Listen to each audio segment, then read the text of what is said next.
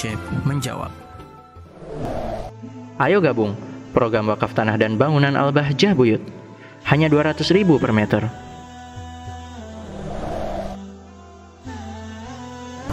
Waalaikumsalam warahmatullahi wabarakatuh. Penanya yang dimuliakan oleh Allah Subhanahu wa taala menikah namun kehidupan jauh dengan pasangan.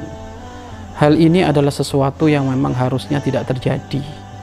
Karena sebisa mungkin berkumpul bareng itu penting karena untuk memadu akhlak dengan pasangan kita untuk memberikan banyak hal-hal keilmuan yang perlu bareng. Artinya sebisa mungkin hidup jauh itu ya tentu dihindari kecuali ada sebab kepepet.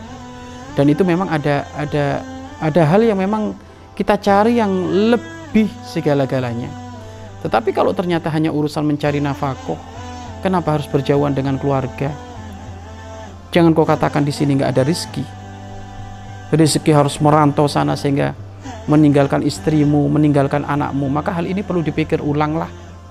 Perlu dipikir ulang, perlu dipikir ulang. Apa yang menjadikan kita harus jauh-jauhan kayak gitu itu? Jangan-jangan ada tomak di dalam hati kita, ada rakus sehingga kita pingin, pingin, pingin punya ini, punya itu. Padahal hidup ala kadarnya kalau ternyata bareng itu terasa indah. Mungkin makan sepiring berdua, mungkin yang dimakan hanya cukup beberapa hari tapi kalau bareng itu enak. Suami istri itu jika bareng ya tentu ya masih uh, tentu akan ada kekuatan kekuatan tersendiri kan gitu kan. Kecuali memang ada sebab musabab yang memang harus harus berjauhan. Sebab musabab di saat memang harus berjauhan. Maka ditimbang menimbang dulu. Timbang menimbang dulu ini seperti apa kan gitu kan. Lah kalau memang ternyata sudah diputuskan harus berjauhan pasangannya adalah di di di luar negeri sana bekerja merantau lah ini bagaimana kan gitu kan. Sehingga sering bangkitlah sahwatnya kan gitu kan. Sering bangkitlah sahwatnya. Makanya dari sini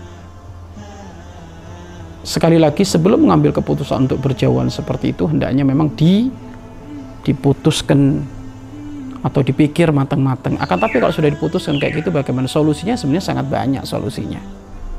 Solusinya sangat banyak. Ya tentu hindarilah pasangan kita mengirim hal-hal yang memang berlebihan.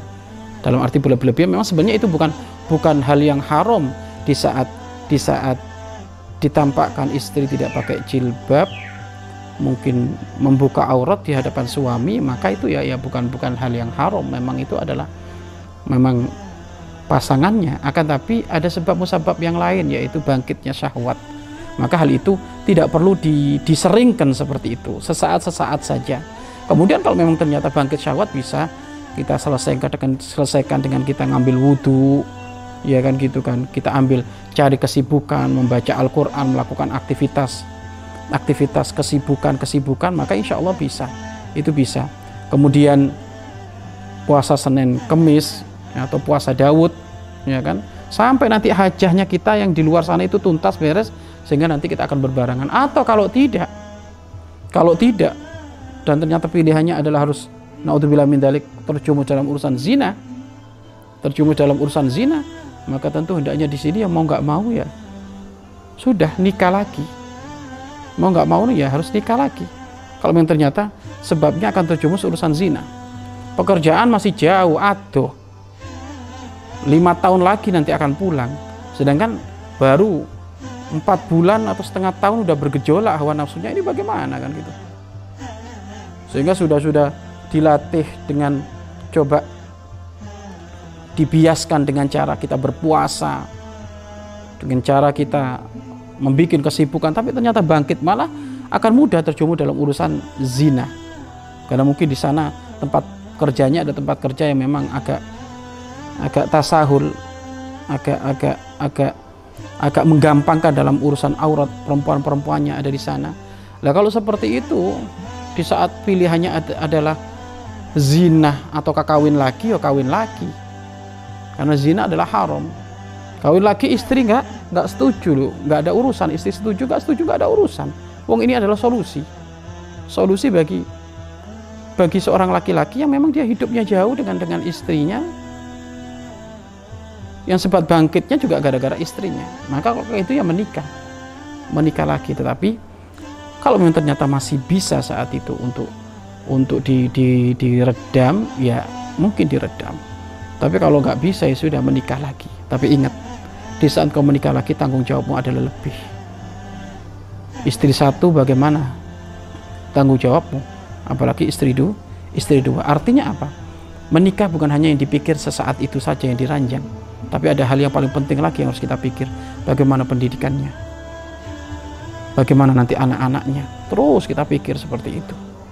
Tetapi kalau memang ternyata disuruh memilih tadi itu antara naudzubillah min berbuat zina apakah menikah lagi? Ya menikah lagi mudah-mudahan siapa pun yang hidupnya berjauhan dengan pasangannya segera saat itu. Segera kembali duduk bareng. Sehingga ada kebaikan-kebaikan yang saat itu terjalin terwujud. Ada kebaikan-kebaikan terjalin dan terwujud terwujud. Wallahu a'lam bisawab mari berinfak untuk operasional lembaga pengembangan dakwah Bahjah Buyut